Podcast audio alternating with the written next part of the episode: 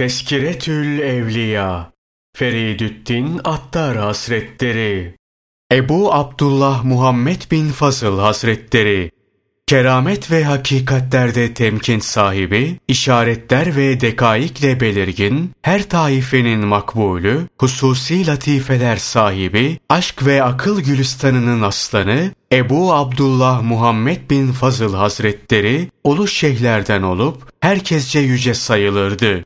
Riyazet ve fütüvvette eşsizdi. Ahmet bin Hadrevey Hazretlerinin müridi olup, Hakimet Tirmizi Hazretlerini de görmüştü. Ebu Osman Hiri Hazretlerinin kendisine büyük bir meyli vardı. Hatta bir kere ona yazdığı bir mektupta bedbahtlığın alameti nedir diye sormuş ve şu cevabı almıştı. Üç şey. Birincisi Allah Teala bir kimseye ilim verir ama onu amelden mahrum bırakır. İkincisi amel de verir ama ihlastan mahrum eder. Üçüncüsü salihlerle sohbeti nasip eder ama onlara hürmet etmekten mahrum eder.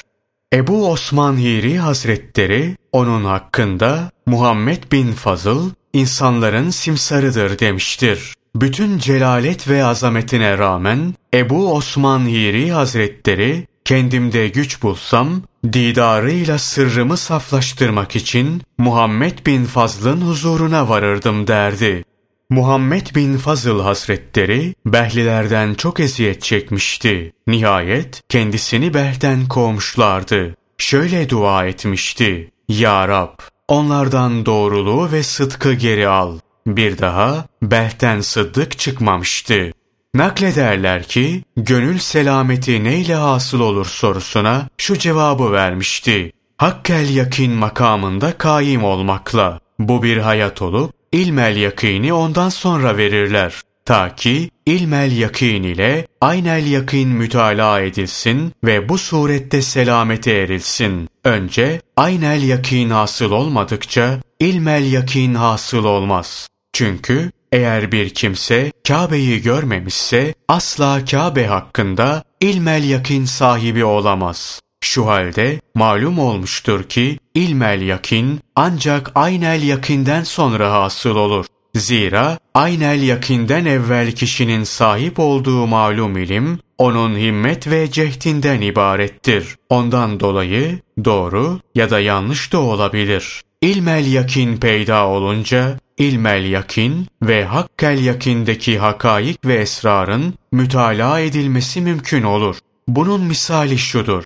Bir kimse bir kuyuya düşse, orada büyümüş, yetişmiş olsa, sonra aniden dışarı çıkarılsa, güneşin ışıklarında hayrette kalır. Bu ışıkların ve güneşin ne olduğunu önce kestiremez. Bir müddet bu hal üzere sebat eder. Nihayet güneşi görme alışkanlığını kazanır. Bu suretle güneş hakkında ilim hasıl olur ve bu ilme istinaden güneşin esrarını mütalaa ve temaşa etmek mümkün olur. Ebu Abdullah Muhammed bin Fazıl Hazretlerinin sözleri Şaşarım o kimseye ki heva ve hevesiyle onun evine Kabe'ye gider ve ziyaret eder de ona vasıl olmak için heva ve hevesine ayak basmaz. Sufi, bütün belalardan sefa bulan ve tüm insanlardan gayip olan zattır.